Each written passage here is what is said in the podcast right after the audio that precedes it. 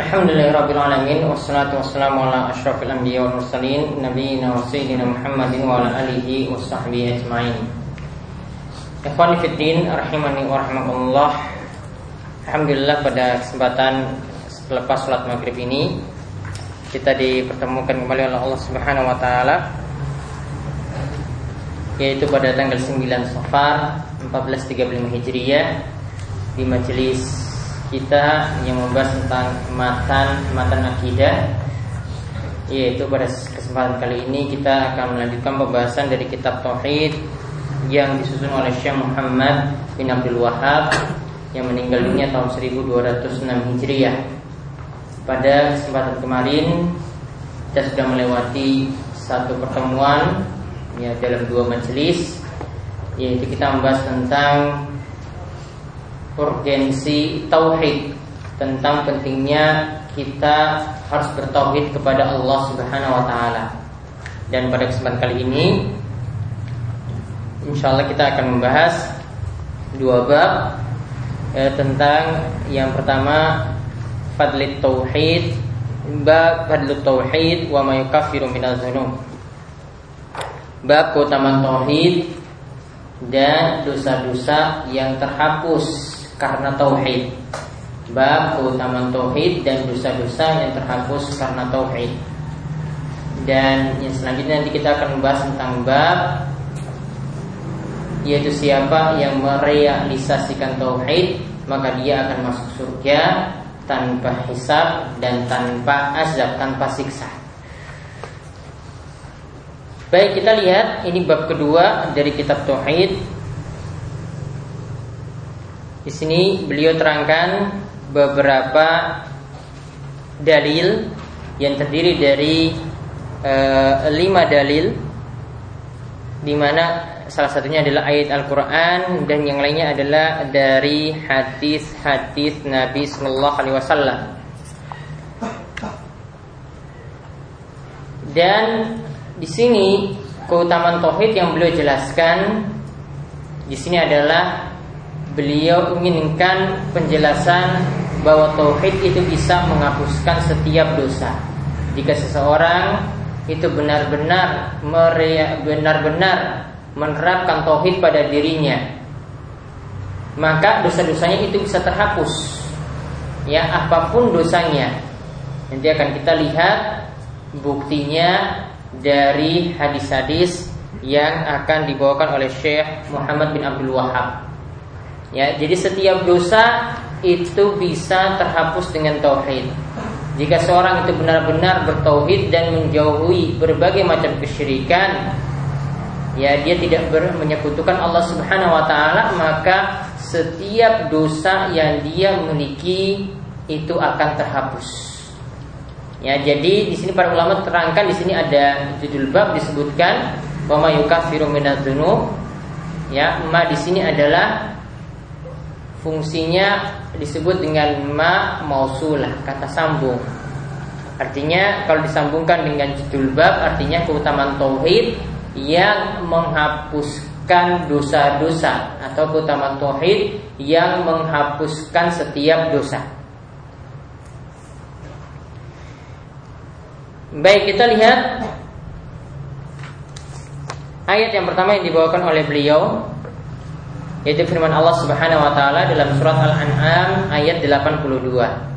Allah Subhanahu wa taala berfirman, "Wa alladzina amanu wa lam yalbisu imanahum bidzulmin ulaikal humul amnu wa hum muhtadun." Yaitu mereka yang beriman. Ya, mereka yang beriman walam yalbisu dan tidak mencampuri imanahum keimanan mereka bizulmin dengan kezaliman. Ulaika lahumul amnu mereka lah yang mendapatkan rasa aman. Wahum muhtadun dan mereka lah yang mendapatkan petunjuk. Mereka lah yang mendapatkan rasa aman dan mereka lah yang mendapatkan petunjuk.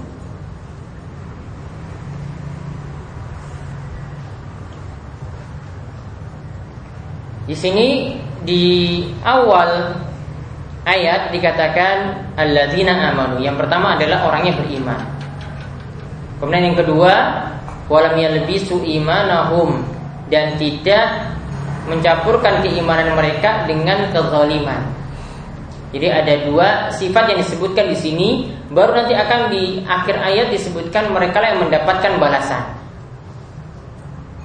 Nah, diberi catatan di sini yang dimasukkan kezaliman di sini ya yang dimasukkan kezaliman di sini bukan setiap bentuk kezaliman. Yang dimasukkan dengan kezaliman di sini adalah syirik.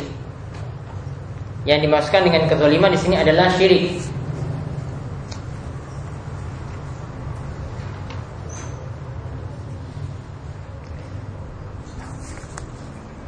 Karena ada hadis dari Ibnu Mas'ud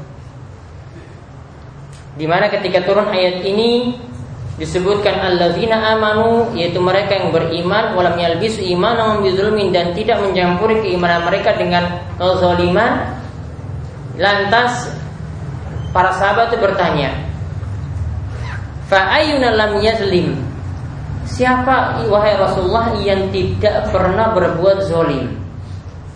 Ya siapa wahai Rasulullah yang tidak pernah berbuat zolim Dan para ulama terangkan ya, Zolim itu ada tiga macam. Seperti yang diterangkan oleh Syekh Sulaiman dalam kitab beliau Taisir Al-Aziz Al-Hamid. Kezaliman itu ada tiga macam. Yang pertama Zolim li nafsi Yaitu menzolimi diri sendiri. Itu dengan dia melakukan perbuatan maksiat Kemudian yang kedua Zolim li ibadi Yaitu berbuat zolim kepada hamba Hamba Allah Kemudian yang ketiga Zalim yaitu berbuat zalim kepada Allah yaitu dengan melakukan kesyirikan. Jadi para sahabat ketika mendengar ayat ini mereka katakan wah Rasulullah siapa yang tidak pernah berbuat zalim? Kalau kami tidak berbuat zalim kepada Allah, kami berbuat zalim kepada diri sendiri, kami berbuat zalim kepada orang lain. Jadi seakan-akan mereka tidak tercakup dalam ayat ini. Ya, seakan-akan para sahabat itu tidak tercakup dalam ayat ini. Maka ketika itu Nabi SAW itu mengatakan ya dengan membawakan perkataan Luqman kepada anaknya dan yang namanya Luqman ini adalah orang soleh yang berkulit hitam berasal dari negeri Habasyah ya saat ini adalah Ethiopia dan dia adalah hamba yang mulia sampai dikhususkan nasihat-nasihat beliau, nasihat-nasihat Luqman kepada anaknya dalam surat tersendiri yaitu surat Luqman. Di mana dalam surat tersebut di antara nasihat Luqman adalah Luqman mengatakan kepada anaknya, "Inna syirka la zulmun azim." Sesungguhnya kesyirikan adalah kezaliman yang paling besar. Nah, jadi arti zalim di sini adalah syirik. Jadi yang dimaksudkan dengan ayat ini adalah ketika ayat ini turun ya kita ambil dari pemahaman Nabi SAW tadi beliau yang menafsirkan kedoliman dalam ayat ini adalah dengan kesyirikan. Jadi maksudnya ini adalah mereka yang beriman dan tidak mencampurkan keimanan mereka dengan kesyirikan. Maka balasannya ada dua. Ulaika lahumul amnu mereka mendapatkan rasa aman wahum muhtadun dan mereka diberi petunjuk. Mendapatkan rasa aman di sini kata Al Hasan Al Basri dan Al Kalbi, ya rasa amannya inilah di akhirat. Tidak pernah khawatir di akhirat. Kemudian wahum muhtadun dan mereka lah orang yang diberi petunjuk. Artinya di sini kata Al Hasan Al Basri dan Al Kalbi, mereka di sini adalah mendapatkan petunjuk di dunia. Jadi mendapatkan rasa aman di akhirat, mendapatkan petunjuk di dunia. Namun sebenarnya rasa aman dan petunjuk di sini didapatkan dua-duanya di dunia dan di akhirat. Maka orang yang terbebas dari kesyirikan, dia akan mendapatkan rasa aman tersebut. Ya, tidak pernah khawatir ingin lakoni sesuatu ingin berbuat sesuatu tidak mesti hitung-hitung hari. Namun kalau pelaku syirik yang selalu beranggapan sial, mau jalan saja itu sudah khawatir. Mau lakukan hajatan besar sudah takut. Wah nanti kualat harus hitung-hitung hari. Orang yang bertauhid tidak pernah punya rasa khawatir seperti itu. Dirinya Allah beri taufik punya rasa aman, diberi petunjuk, tidak pernah mendapatkan rasa takut ketika menghadapi hal-hal tadi. Namun coba kalau dia tidak paham tauhid. Coba kalau dia tidak pernah memiliki iman yang benar seperti ini, maka hidupnya itu akan semakin susah. Ya hidupnya akan semakin sengsara jika tidak bersesajen ke laut bisa celaka. Jika tidak kasih tidak lakukan ritual pada bulan suro bisa dapat bencana. Jika sudah ada ketetapan-ketetapan hari yang di mana ketika itu harus ada tumbal yang harus disajikan saat itu tidak tidak dilakukan bagaimana sudah dalam pikirannya sebentar lagi turun berbagai macam musibah. Ya, tidak pasang jimat di pojok desa, tidak nanam pohon kelapa di situ, ya, tidak nanam buah kelapa di situ, bisa desa itu dapat bencana. Maka diruat, desa tersebut dibersihkan, ya, pakai ruatan yang diundang itu dalam, ya, dilakukan ritual-ritual syirik, perlu rasa khawatir. Kalau orang Bertauhid dengan benar tidak ada rasa khawatir semacam tadi. Nah inilah salah satu keutamaan tauhid Allah memberikan petunjuk dan rasa aman. Ya kalau orang itu paham tauhid dan paham itu syirik maka tidak pernah ada rasa khawatir tidak ya dan dia juga akan selalu diberi petunjuk taufik oleh Allah Subhanahu wa taala. Nah tentang ayat ini nanti kita akan lihat faedah-faedahnya nanti akan beliau sekali lagi untuk setiap dalil beliau akan sebutkan di masail faedah faedah dari dalil. Yang setiap dalil yang ada akan beliau sebutkan dalam masail. Kita lihat lagi hadis berikutnya dari Ubadah bin Samit radhiyallahu anhu ia berkata bahwasanya Rasulullah SAW itu bersabda, "Man syahida an la ilaha illallah wahdahu la syarikalah." Barang siapa yang bersaksi bahwa tidak ada sembahan yang berhak disembah selain Allah. Wahda yaitu Allah semata, la syarikalah tidak ada sekutu bagi Allah. Wa anna Muhammad dan abdu wa rasuluh dan dia bersaksi bahwasanya Muhammad itu adalah hamba Allah dan utusan Allah. Ini yang kedua. Ya, jadi yang pertama tadi keimanan kepada Allah, yang kedua ini keimanan kepada Nabi Muhammad bersaksi bahwa Nabi Muhammad itu adalah hamba Allah dan utusan Allah. Kemudian yang ketiga wa anna Isa Abdullah wa rasuluh dan Isa itu adalah hamba Allah dan rasulnya. Ya, sama dengan Nabi Muhammad, Nabi Isa itu adalah hamba Allah dan rasulnya. Hamba Allah itu berarti tidak boleh dilebih-lebihkan sampai derajat Tuhan. Ya, tidak boleh diagung-agungkan sampai melebihi derajat Sang Khalid. Yang tidak boleh dilebihkan seperti itu. Dan kalau kita bersaksi juga Nabi Muhammad adalah utusan Allah, maka tidak boleh apa yang beliau bawa itu didustakan. Tidak boleh apa yang beliau bawa itu ditambah. Tidak boleh apa yang beliau itu bawa dikurangi. Tidak boleh seorang itu membuat tuntunan-tuntunan baru dalam Islam yang tidak pernah beliau itu contohkan. Ini konsekuensi kita mengakui Nabi Muhammad adalah utusan Allah. Kemudian mengenai Nabi Isa ditambahkan sini dua poin lagi.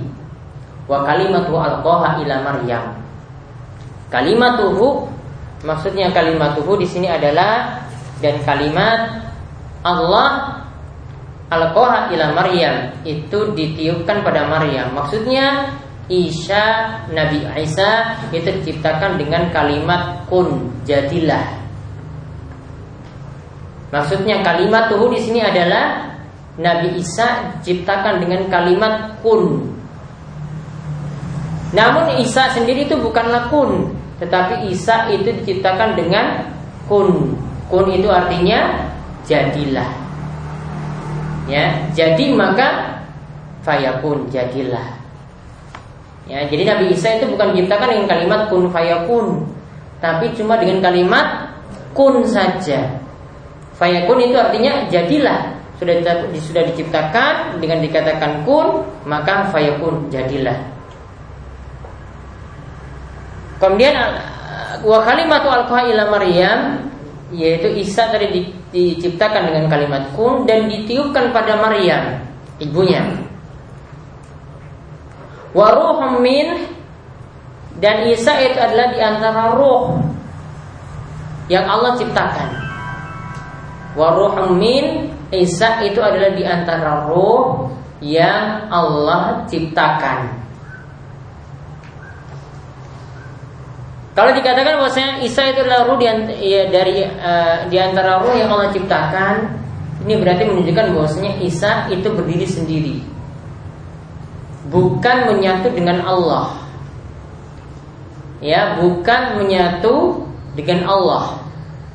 Jadi Isa itu bukan ya menyatu dengan Allah sehingga dikatakan trinitas. Bukan. Kalimat ini sudah membantah karena dikatakan waruhum min Isa adalah ruh yang telah diciptakan oleh Allah Berarti ini adalah makhluk sendiri Sama dengan Baitullah, rumah Allah Rumah Allah itu bukan berarti menyatu dengan Allah Beda kalau kita menyebut sifat-sifat Allah Ar-Rahman, Ar-Rahim Sifat Allah Ar-Rahman, Ar-Rahim ya itu Allah itu sendiri Ya, nama Allah Ar-Rahman Ar-Rahim itu Allah itu sendiri. Nanti disebutkan sifat-sifatnya lagi. Allah itu pemberi rahmat. Allah itu mengasihi manusia dan seterusnya. Ini sifat-sifat Allah. Artinya itu Allah sendiri, bukan berpisah dari Allah. Kemudian yang mesti diimani lagi wal jannatu. Surga itu benar adanya. Wan naru dan neraka benar adanya. Adkhala Allahul jannata ala makana minal amal maka Allah akan memasukkannya ke dalam surga ala makana minal amal apa pun amalnya Apa pun amalnya di sini kata Syekh Shalal Fauzan ada dua makna. Ya. Ala makana minal amal, apa pun amalnya di sini ada dua makna. Yang pertama, ada wa in kana muksiran wa lahu dzambun wa lahu dzunubun. Dikatakan dia akan masuk surga apa pun amalnya itu maksudnya Allah akan masukkannya ke dalam surga apa pun dosanya. Apa pun dosanya yang dibawa kesyirikan yang dia lakukan. Dia hamba yang muksir, hamba yang serba kekurangan, artinya punya dosa. Apa pun dosanya, yang penting dia dia bebas dari syirik atau dosa yang dilakukan dibawa kesyirikan. Jadi apa pun dosanya, ya maksudnya apa pun dosanya, apa pun amalnya itu tadi maksudnya apa pun kekurangan dia, dia pasti masuk surga kalau dia itu bertauhid. Dia pasti masuk surga kalau dia ber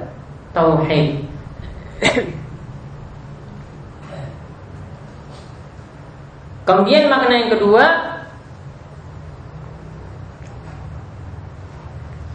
Allah akan masukkannya ke dalam surga sesuai dengan amalannya. Yaitu tingkatan dia di surga sesuai dengan amalan dia tingkatan dia di surga sesuai dengan amalan dia. Jadi apa pun amalannya itu maksudnya nanti tingkat dia di surga tergantung dari amalannya. Amalannya sedikit seperti ini ya sudah tingkatan dia di surga seperti itu. Amalannya semakin tinggi berarti tingkatan dia surga nanti juga semakin tinggi.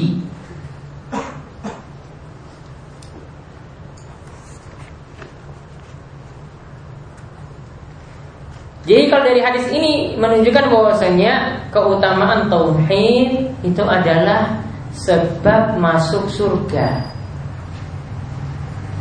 Jadi tauhid itu sebab masuk surga.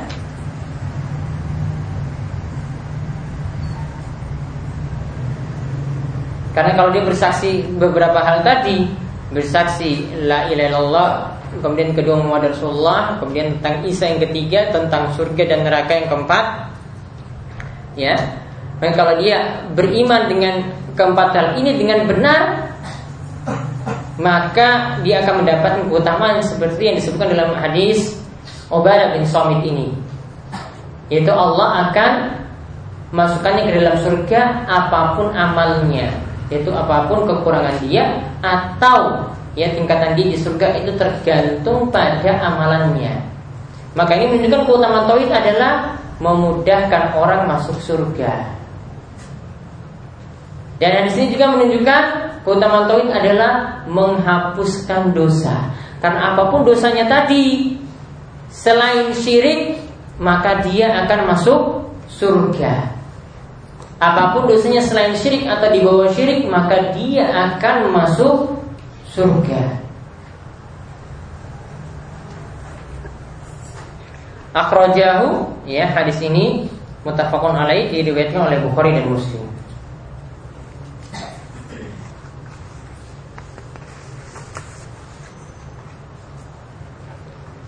Nah, hadis ini juga menunjukkan bahwasanya asatul muwahidin orang yang bertohid namun bermaksiat itu tidak kekal dalam neraka.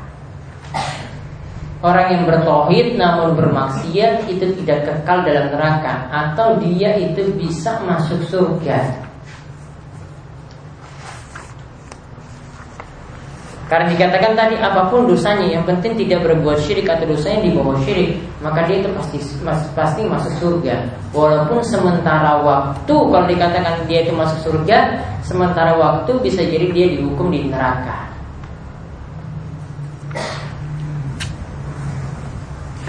Hadis berikutnya lagi Walau fi hadis Itban juga diriwayatkan oleh Bukhari dan Muslim dari hadis Itban.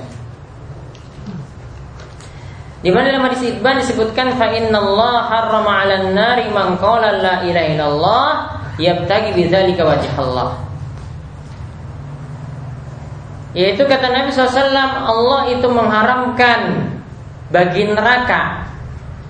Allah itu mengharamkan bagi neraka yaitu bagi siapa yang mengucapkan la ilaha illallah ucapan mengucapkan. Dia ucapkan la ilallah namun di sini ada syarat.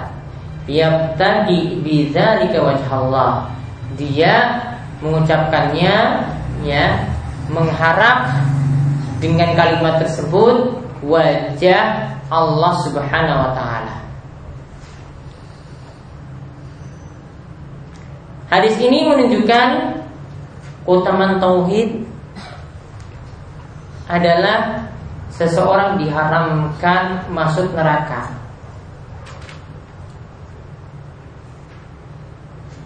Diharamkan masuk neraka ini ada dua bentuk bagi seorang muslim atau bagi orang yang bertauhid.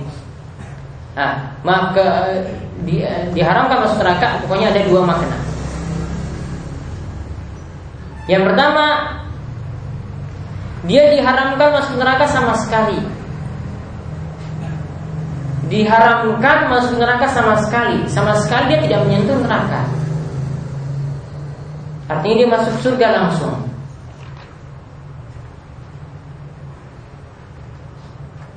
Kemudian diharamkan neraka makna kedua dia diharamkan neraka tidak kekal selamanya di dalamnya diharapkan neraka bentuknya tidak kekal selamanya.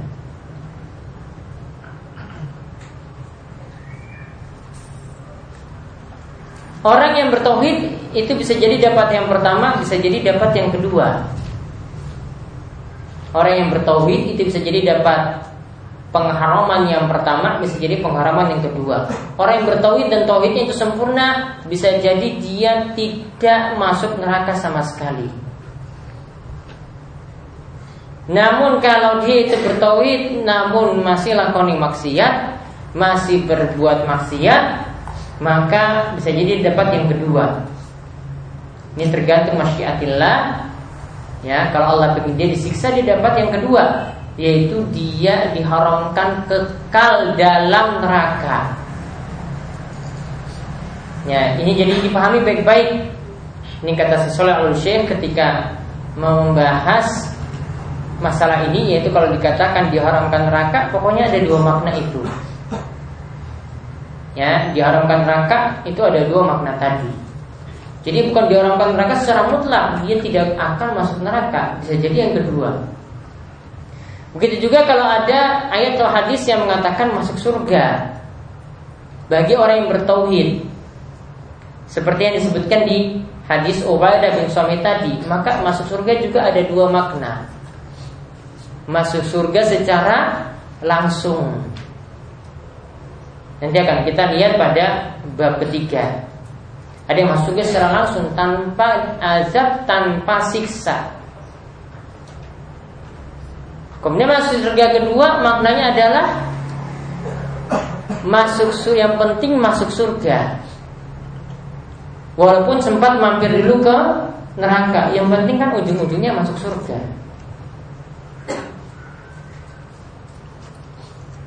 Jadi paham baik-baik ada hadis yang katakan masuk surga itu seperti itu dipahami.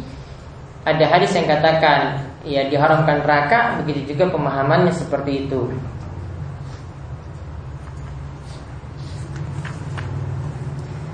Jadi untuk hadis Idban ini diberi syarat di sini. Ya ini diberi syarat baik lihat hadis ini menunjukkan bahwasanya kalimat la ilaha illallah bukan hanya di lisan. Bukan hanya diucapkan la ilaha illallah, bukan. Namun diberi syarat di sini, yang tadi bidzalika wajah Allah mengharapkan wajah Allah. Artinya dapat disimpulkan La ilaha illallah di lisan itu belum tentu manfaat Harus ada keyakinan dalam hati Harus direalisasikan dalam perbuatan. Ucapan la ilallah Tapi seringnya minta-minta kepada kuburan Minta pada wali. Batal la ilaha illallahnya. La ilallah tidak ada manfaat. Karena yang dia realisasikan dalam amalan Dalam perbuatan dengan anggota tubuhnya Itu tidaklah benar Tidak bersesuaian ya. Jadi nanti akan beliau sebutkan juga dalam faedah bahwasanya tidak cukup La ilaha illallah itu di lisan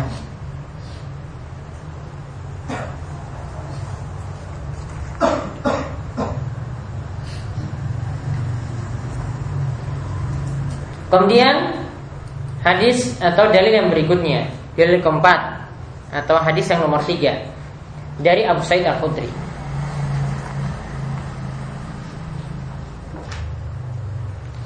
Hadis ini secara sanad doif. Namun perlu kita ya bahwasanya kenapa Syekh Muhammad bin Abdul Wahab itu menukil beberapa hadis dalam kitab Tauhid itu ada beberapa hadis yang doif. Kalau kita teliti dari uh, pembahasan beliau dalam kitab Tauhid, ya sebenarnya hadis-hadis yang doif atau hadis-hadis yang lemah beliau bawa, ya yang pertama ada kemungkinan hadis tersebut masih diperselisihkan kedoifannya. Karena apa? Ya namanya hadis penilaian hadis ini sahih ini doif itu juga sama dengan masalah fikih fikih ada ini pendapat yang lebih kuat, ini pendapat yang lemah. Hadis juga demikian. Belum tentu hadis yang disesuaikan Syekh Al-Albani misalnya ya ulama lain itu setuju. Belum tentu Syekh Al-Albani itu mendoifkan suatu hadis, ulama lain itu katakan doif juga. Jadi harus perhatikan ada dalam suatu masalah para ulama berselisih pendapat. Ya, misalnya ya seperti Syekh Al-Bani mendoakan hadis-hadis yang membicarakan tentang masalah sholat tarawih lebih daripada 11 rakaat. 11 rakaat yaitu riwayat-riwayat yang membicarakan tentang para sahabat bukan Nabi. Kalau yang membicarakan tentang Nabi SAW mengerjakan lebih daripada 11 rakaat memang hadisnya atau sekarang tentang perbuatan para sahabat. seperti Umar dan yang lainnya yang mengerjakan sampai 23 Syekh Albani mendoifkannya ulama lain masih mensesuaikan hadis tersebut. Penyesuaian dan pendoifannya ini adalah masalah khilaf artinya di sini tidak eh, belum tentu suatu hadis itu disepakati oleh para ulama semuanya ya para ulama belum tentu menyepakati itu ada yang sepakat doif ada yang tidak sepakat malah mensahihkan hadis tersebut. Sama dengan di sini. Jadi ada kemungkinan Syekh itu memilih pendapat ulama yang mensahihkan hadis tersebut atau menghasankannya. Atau yang kedua, hadis doif ini berada di bawah makna hadis sahih.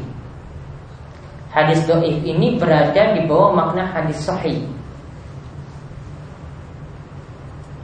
Jadi kandungan maknanya itu benar. Kandungan maknanya itu benar. Mungkin dari sisi sanad itu lemah, dari sisi sanad itu dhaif. Dan yang ketiga, Syekh tidak pernah membawakan hadis yang doif-doif banget. Atau yang palsu. Atau yang diriwayatkan oleh perawi yang pendusta. Tidak pernah. Ya tidak pernah seperti itu. Jadi ini kenapa para ulama simpulkan juga bahwasanya Syekh Muhammad bin Abdul Wahab itu adalah ulama yang juga pakar dalam masalah hadis. Karena di antara buktinya beliau menulis kitab tauhid ini seperti torikah atau metode atau manhaj yang ditempuh oleh ulama hadis. Nanti perhatikan Sahih Bukhari, ini cara pembahasannya juga seperti ini. Sebutkan judul bab baru sampaikan hadis titik sudah. Torikonya seperti itu caranya seperti itu. Dan beliau juga punya uh, kitab fikih. Misalnya membahas uh, di dalamnya itu membahas masalah-masalah fikih dan kalau kita lihat dari pembahasan beliau ternyata hadis yang beliau bawakan itu lebih banyak misalnya dalam sholat jenazah di kitab Bulughul Maram itu sekitar 60-an hadis di kitab Syekh ketika membahas tentang masalah fikih beliau sebutkan sampai 200-an hadis. Ya, Syekh Muhammad Wahab dari sisi seperti itu itu menunjukkan bahwasanya Syekh lebih dalam menggeluti ilmu hadis. Dan beberapa kitab beliau punya cara yang sama seperti ini, seperti kitab uh, Masail Jahiliyah juga metode atau caranya seperti itu menyebutkan judul bab sampaikan dalil-dalil Al-Qur'an dan hadis sudah. Ya. Jadi di sini kita tidak boleh menjelekkan ya beliau dalam masalah ini. Tidak tepat yang men, men, melemahkan atau menjelekkan beliau atau menjarah beliau mengkritik beliau dalam sisi hadis tidak tepat. Sebagaimana juga uh, alasan ulama juga kadang menukil hadis doif dalam kitabnya itu ada tujuannya. Seperti Ibnu Hajar dalam Bulughul Maram itu bukan berarti Ibnu Hajar itu nggak tahu hadis. Ibnu Hajar itu sengaja menukil hadis doif dan beliau katakan itu doif berdasarkan perkataan-perkataan para ulama juga. Di antaranya tujuannya untuk meluruskan bahwasanya ada yang punya pemahaman seperti dalam hadis ini maka itu pemahaman keliru ini hadisnya doif. Ya di kitab Bulughul Maram seperti itu. Ya atau kembali ke hukum asal. Jika hadis ini doif berarti kembali ke hukum asal. Misalnya tentang masalah e, apakah ada kewajiban berwudu setelah berbekam ataukah tidak. Beliau membawakan hadis di situ tapi hadisnya itu doif. Bahwasanya Nabi SAW itu ketika selesai ber, berbekam itu tidak berwudu langsung sholat. Dan beliau katakan bahwasanya hadisnya itu doif ya maksud beliau di sini kembali setelah berbekam ini kalau hadisnya doif berarti maknanya bagaimana? Kembali ke hukum asal. Berbekam setelah berbekam asalnya ya seseorang dalam keadaan suci. Kalau kita katakan wudhunya itu batal harus datangkan dalil. Dalilnya itu lemah.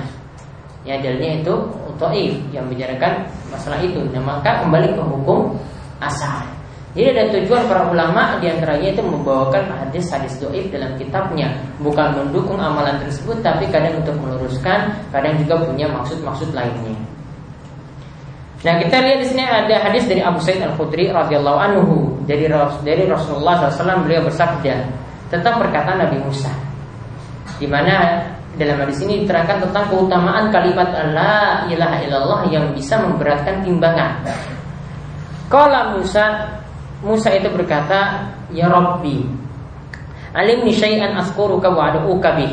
Wahai Rabbku, ajarkanlah kepadaku suatu kalimat yang aku bisa uh, mengingatmu ya yang bisa aku bersihkan padamu dengannya walau kabihi dan bisa aku berdoa padamu dengannya kemudian Allah Subhanahu wa taala itu berfirman Allah Subhanahu wa taala itu berkata qul ya Musa wahai Musa katakanlah la ilaha illallah kalimat yang diminta Musa cuma Allah katakan sebutlah atau berzikirlah atau berdoalah dengan kalimat la ilaha illallah Musa sangka bahwasanya kalimat ini kok biasa-biasa saja. Semua orang itu bisa mengucapkannya. La ilaha itu semua pun itu bisa. Ya semua orang itu bisa mengucapkan kalimat tersebut. Maka ketika itu Allah Subhanahu wa taala katakan eh, ketika itu Nabi Musa katakan kullu ibadika yaquluna hadza. Ya Rabb ya semua hambamu itu bisa mengucapkan seperti itu. Ya hada bisa mengucapkan seperti ini. Ucap la ilaha semuanya itu bisa. Karena apa di sini? Nabi Musa belum tahu keutamaannya. Jadi ada orang yang berilmu ya dalam masalah ini belum tahu masalah ini itu tahu. Ya. Jadi dalam suatu masalah itu belum tentu belum tentu dia ketahui semuanya. Buktinya di sini Nabi Musa, Nabi yang mulia. Keutamaan la ilaha belum tahu secara rinci. Maka ketika itu, ya Allah Subhanahu wa taala itu katakan, Allah berfirman, "Qala ya Musa, law anna ya Musa, law anna samawati sab'a wa amiru wa amiruhunna ghairi wal ardina sab'a fi kifah." Wahai Musa, seandainya langit yang tujuh Berarti langit itu ada tujuh lapis. Penelitian saat ini pun tujuh lapis. Karena Nabi SAW itu katakan jauh-jauh hari sebelum ada riset-riset atau penelitian yang ada saat ini. Wa amirohuna dan seluruh penghuninya yang ada di langit. Seluruh penghuninya yang ada di di langit dan Allah katakan ghairi selain aku. Berarti Allah itu di di langit. Namun yang dimaksudkan oleh dalam hadis ini adalah seluruh penduduk langit pokoknya selain Allah. Berarti di sini menunjukkan bahwasanya Allah berada di di langit. Di sini sudah tegas mengatakan bahwasanya Allah itu di langit, bukan di mana-mana, bukan di hati, bukan di batin.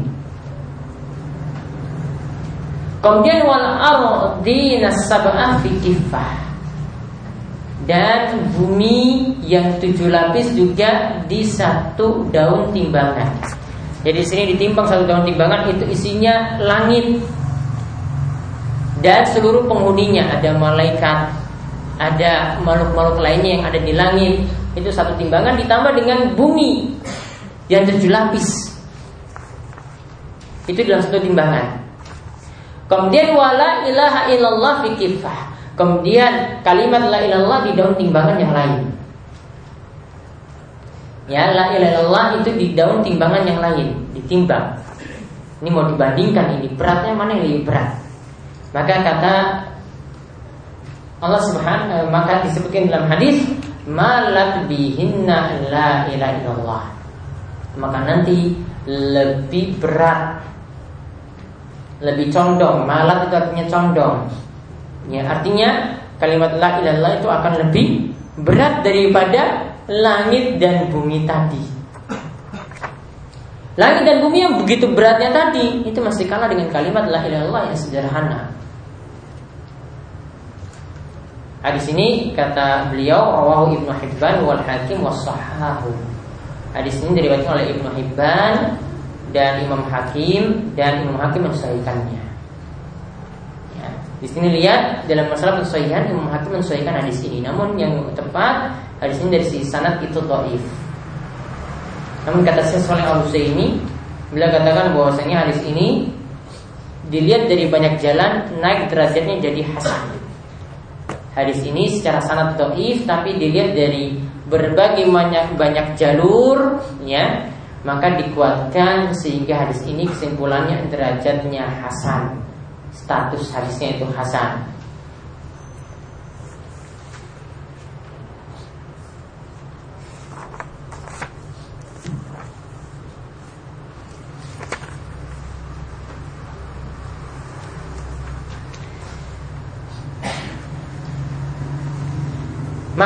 Maka hadis ini menunjukkan keutamaan tauhid karena tauhid itu adalah maksud dari kalimat la ilaha illallah.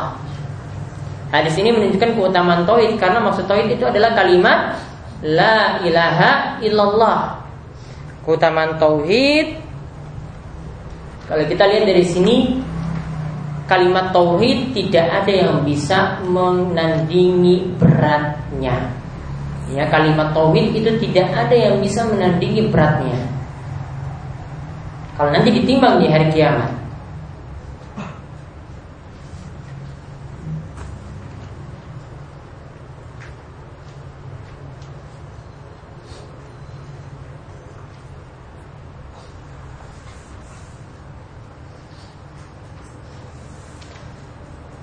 Kemudian hadis yang terakhir dari bab ini Walid Tirmidzi Ya, Imam Tirmizi itu menyebutkan wahasanahu dan beliau menhasankan hadis ini. Disebutkan dari Anas radhiallahu anhu. Yang mengatakan sami itu Rasulullah SAW yakul aku pernah mendengar Rasulullah SAW itu mengatakan kalau Allah Taala Allah Subhanahu Wa Taala berfirman ya ibnu Adam wahai anak Adam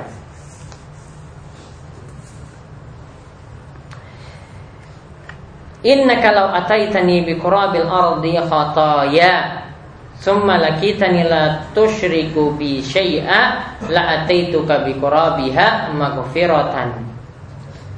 Sesungguhnya engkau seandainya engkau itu mendatangiku dengan khotoya dengan dosa bi qurabil ard dengan dosa sepenuh bumi. Dosa apa pun.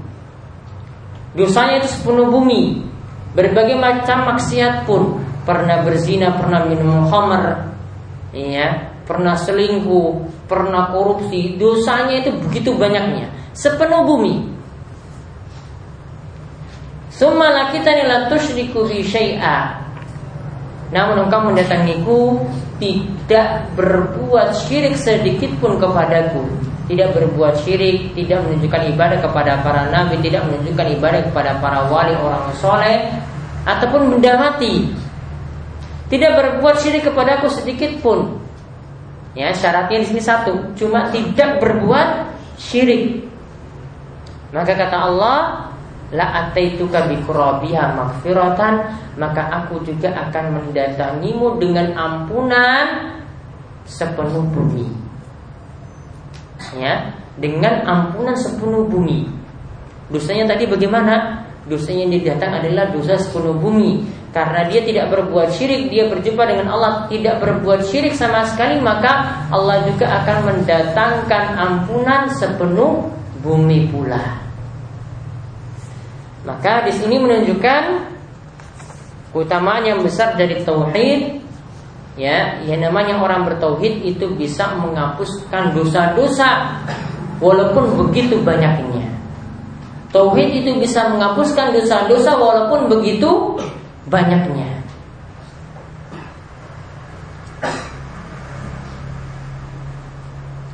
Nah, di sini ada beberapa faedah dari dalil-dalil lima dalil tadi yang kita bahas di atas. Yang pertama, Beliau katakan fi masail berfaedah yang bisa diambil. Yang pertama saat fadlillah. Begitu besar karunia Allah. Karena dari dalil yang tadi itu menunjukkan bahwasanya asalkan orang itu bersih dari syirik, maka akan diberi petunjuk, diberikan rasa aman, yang diharamkan masuk neraka, dimudahkan masuk surga dan dosa yang begitu banyak itu akan diampuni oleh Allah Subhanahu wa taala. Jadi lima dalil yang tadi. Kemudian yang kedua, kasratus sawabi tauhid indallah. Besarnya pahala tauhid di sisi Allah Subhanahu wa taala. Kemudian yang ketiga, takfiruhu ma dzalika lidzunub. takfiruhu ma'adzalika lidhunub yaitu tauhid itu menghapuskan berbagai macam dosa. Ya dengan tauhid itu menghapuskan berbagai macam dosa. Lebih-lebih lagi ditegaskan dalam hadis Anas terakhir dalam hadis Qudsi dari Anas. Riwayat Tirmizi tadi yang terakhir. Itu menunjukkan orang yang bersih dari syirik bertauhid kepada Allah maka berbagai macam dosanya itu akan diampuni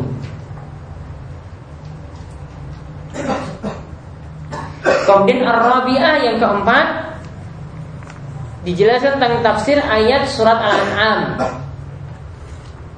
Yaitu di antara tafsiran pentingnya di sini adalah orang yang bersih dari kezaliman yang dimasukkan dengan kezaliman di sini apa?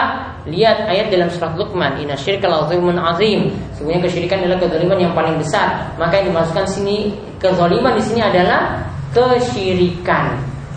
Jadi tafsir ayat ini adalah orang yang beriman dan bersih imannya dari noda-noda syirik maka dia yang nanti akan mendapatkan rasa aman ya di akhirat dan akan mendapatkan petunjuk di dunia.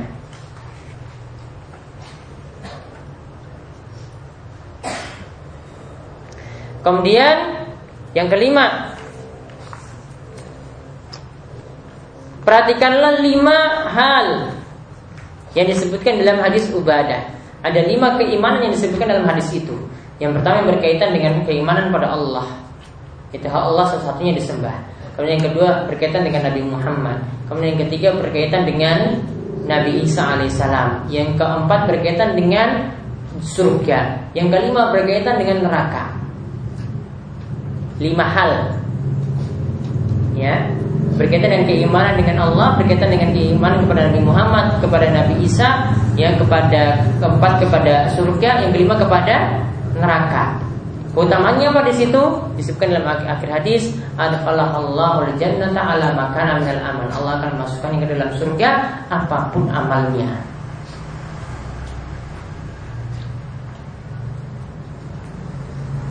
Uh, azan terlebih dahulu.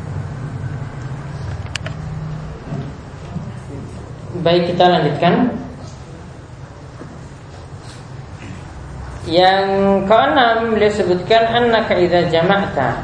Jika kalian mengumpulkan antara hadis itban. Ya hadis itban hadis yang nomor tiga.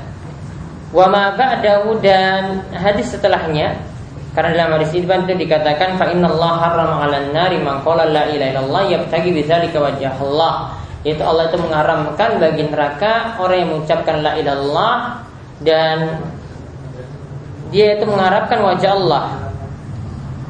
Dengan hadis sudahnya ya tabayyana laka makna makna qauli la ilallah. Maka nanti nampak jelas tentang makna la ilaha illallah. La ilaha illallah itu bukan hanya tulisan seperti itu namun maknanya adalah seperti disebutkan dalam hadis sesudahnya atau dalam hadis yang lainnya ya itu disebutkan bahwasanya la ilallah itu harus ada sisi isbat dan nafi yaitu penetapan bahwasanya Allah itu satunya disembah dan penafian peniadaan segala sembahan selain Allah. Dan nanti akan jelas kata beliau tabayyana laka khata'ul maghrurin akan nampak orang-orang yang tertipu maksudnya orang-orang yang tidak mengerti karena la ilallah itu bukan hanya di lisan. Dalam hadis Itban sudah ditegaskan yabtagi bidzalika wajah Allah. Jadi bukan hanya di lisan tapi harus benar-benar kalimat tersebut itu diyakini. Kemudian yang ketujuh At-tanbih li syartil ladzi fi hadis Itban. Tegaskan bahwasanya keutamaan dalam hadis Itban bahwasanya la ilallah itu bisa diperoleh ya orang itu diharamkan masuk neraka itu jika benar-benar mengharapkan wajah Allah dengan kalimat tersebut. Artinya dia punya keimanan yang benar juga dalam hatinya. Jadi bukan hanya sekedar di lisan. Kemudian yang kedelapan, kaum anbiya ihtajuna litanbi ala fadlillah ilaha Di sini jelaskan para nabi pun itu harus dijelaskan keutamaan kalimat la ilaha illallah keutamaan kalimat tauhid. Nabi Musa dalam hal ini belum paham. Maka ditambahkan lagi penjelasan supaya beliau itu lebih memahami makna atau memahami keutamaan la ilallah. Kemudian yang kesembilan, at-tanbih li rujihaniha bi jami'il makhluqat ma anna katsiran mimma yaqifu mizanuhu. Ya. Yang kesembilan dikatakan di sini bahwasanya kalimat la ilallah itu bisa memberatkan timbangan dibandingkan dengan seluruh makhluk yang ada di langit dan di bumi. Katanya di sini memberatkan. Namun kata beliau di sini anak kasiran mimma yakuluha namun kebanyakan orang yang mengucapkan la ilaha illallah malah yakifu mizanuhu timbangan la ilaha illallah malah lebih ringan. Malah timbangan kalimat tersebut itu sedikit. Artinya di sini kenapa? Karena banyak yang mengucapkan tapi tidak dengan keyakinan dalam hati atau dia tidak merealisasikan kalimat tersebut dengan benar. Untuk faedah yang selanjutnya insya Allah akan kita lanjutkan setelah sholat. Sallallahu alaihi wa sallam.